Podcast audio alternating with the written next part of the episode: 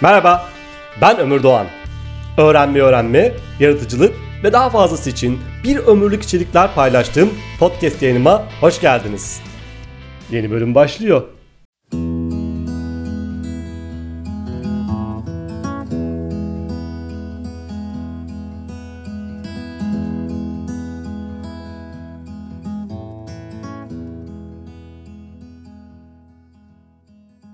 Herkese merhaba. Evde kal döneminde çok fazla şakası yapıldı. Böyle bir karikatür de vardı. Hani adamın bir tanesi koltukta oturuyor. Birinci karede eskiden de evde böyle boş boş oturuyordum diyor. Ve ikinci karede şimdi ise hayat kurtarıyorum diyor. Hatırlayanlarınız çıkmıştır. Bu videoyu hazırlamak için bilgisayar başına oturduğumda bu karikatür geldi aklıma. Çünkü ben de buna benzer bir şey öneriyor olabilirim. Nasıl mı? Yaratıcılık için yatın diyerek. Yani bu baştaki karikatüre nazire yaparak diyebilirim ki eskiden de yatıyordunuz, şimdi de. Ama bu videodan sonra artık yatarak yaratıcı olabileceksiniz. Çok reklam spotu gibi oldu değil mi? Tam da bu noktada videonun başlığı da çıktı ortaya. Harika bir başlık olur değil mi? Yaratıcılık için yatın. Maalesef olmaz. Çünkü sadece bizim dilimizde değil, başka dillerde de yatmak bazen başka anlamda kullanılıyor. Gerçi o haliyle de yatmak yaratıcı bir eylem ama ben onu kastetmiyorum. Kastımı anlatmak için sadede geliyorum. Yaratıcı kişilerin özelliklerinden Bir Ömür Yaratıcılık, Yaratıcı Yaşam Rehberi kitabımda detaylı olarak bahsettim. Yaratıcı fikirlerin ortaya çıkmasına kaynaklık eden kişilik özelliklerine baktığımızda bazı yaratıcı kişilerin fanteziler, hayaller, düşler, kabuslar ve gerçekler arasında salındıklarını görürüz. Bu bazı kişilerden biri Francesco Goya'dır. Goya uzun zaman saray ressamı olarak çalışmış, hastalığı sonrasında duyma yetisini kaybetmiş, sağır olmuş, bir süre sonra iç dünyasındaki canavarlarla ve doğaüstü varlıklarla uğraşmış ve bunları çizmiş ve çizdikleri nedeniyle Engizisyon mahkemesinde yargılanmış bir ressam.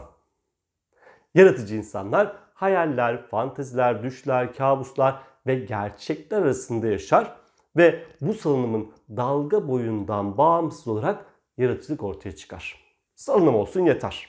Gerisi gelir. Yani arada düşler ve hayaller dünyasına adım atmak gerekiyor. Yani bir adım atsanız hatta parmağınızın ucunu değdirseniz hayaller dünyasına bulaşsanız düşlere gerçeklere biraz da olsa yaratıcılık bulaştırmış olursunuz. İşte şimdi size anlatacağım Goya'nın muhteşem yaratıcılık formülü tam da bu anı kullanıyor. Yani uykuyla uyanıklık arasındaki anı. O küçücük gerçekle düşün iç içe geçtiği an. Hayal gücümüzün ve yaratıcılığımızın çok fazla ortaya çıktığı andır aynı zamanda. Yaratıcılıkta uyumak sağlık açısından, zihnin dinlenmesi açısından, dağınık modda beynin serbest çağrışımlar yaratması açısından çok önemli. Uyumak çok önemli ama uyanmak da uyumak kadar önemli. Özellikle de uyanma anı. Uykudan uyanmaya geçtiğiniz o an var ya, yaratıcılığımızın aha anını çok sık yaşadığımız bir evre.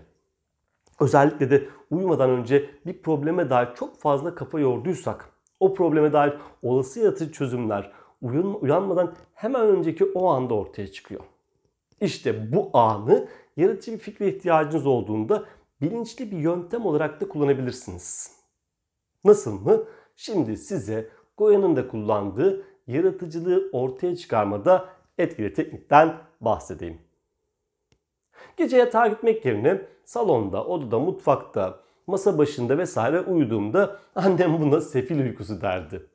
İşte benim gibi bu sefil uykusunu sevenler o uyuyakalma halinden birden uyandıklarında ya da uyandırıldıklarında halüsinasyon görme eğilimini ya da de- deneyimini yaşamışlardır diye tahmin ediyorum. İşte Goya'nın tekniği o anı bilinçli olarak yaşayarak yaratıcı fikirler bulmanızı sağlıyor. Bu tekniği nasıl uygulayacağınıza bir örnek vereceğim. Ama daha önce o anda ne olduğuna dair bilimsel açıklamalara bir bakalım. Uyku ile uyanıklık arasındaki o geçiş evresinde halüsinasyon görülmesi çok sık rastlanıyor. Bunlar da, bunlardan uykudan uyanıklığa geçiş anında görülen halüsinasyonlara hipnopompik halüsinasyon, uykuya dalmadan hemen önce görülenler ise hipnogojik halüsinasyon deniyor. Hipnopompik denilen uykudan uyanıklığa geçişteki durgunluk evresi ile tamamen uyandığınız ana kadar geçen sürede yaratıcınız tavan noktada. Bilinçaltınız hala devrede fakat bilinç de kendine alan açmaya çalışıyor. Burası tam olarak orası. Yani yaratıcı fikirlerin ortaya çıktığı yer. O an, tam da o an yaratıcının ortaya çıkması için uygun zaman. Sonra gerçeklerle karşılaşıyorsunuz ve uyku esnasında en üst seviyeye çıkan hayal gücünüzü uyandığınızda büyük oranda bir kenara bırakıyor. Hayatın olağan akışında yaşamaya devam ediyorsunuz. Uyku ile uyanıklık arasındaki o anda ne olduğunu artık öğrendiğimize göre Goya'nın yaratıcılık tekniğini nasıl uyguladığımıza dair bir örnek verelim ve bitirelim. Önce parmak ucunuza ya da avucunuza düştüğünde ses çıkaracak, sizi uyandıracak kalem, kaşık, anahtar ya da benzeri bir nesne alın. Sonra yaratıcı fikir bulmaya çalıştığınız konuda yoğun bir şekilde düşünmek için elinizde o nesneyle bir yere uzanın. Düşünürken uyuyakaldığınız ya da uyuklamaya başladığınız anda kaslarınız gevşeyip elinizdeki nesneye düşüp ses çıkardığında uyanırsanız aradığınız çözümlere dair ipuçlarının aklınıza gelmesi çok olası. Bu fikirleri not almak ya da çizebilmek için o anda yanınızda kağıt kalem bulunmasını tavsiye ediyorum. Peki elinizdeki nesne düştüğünde uyanmazsanız ki mümkün.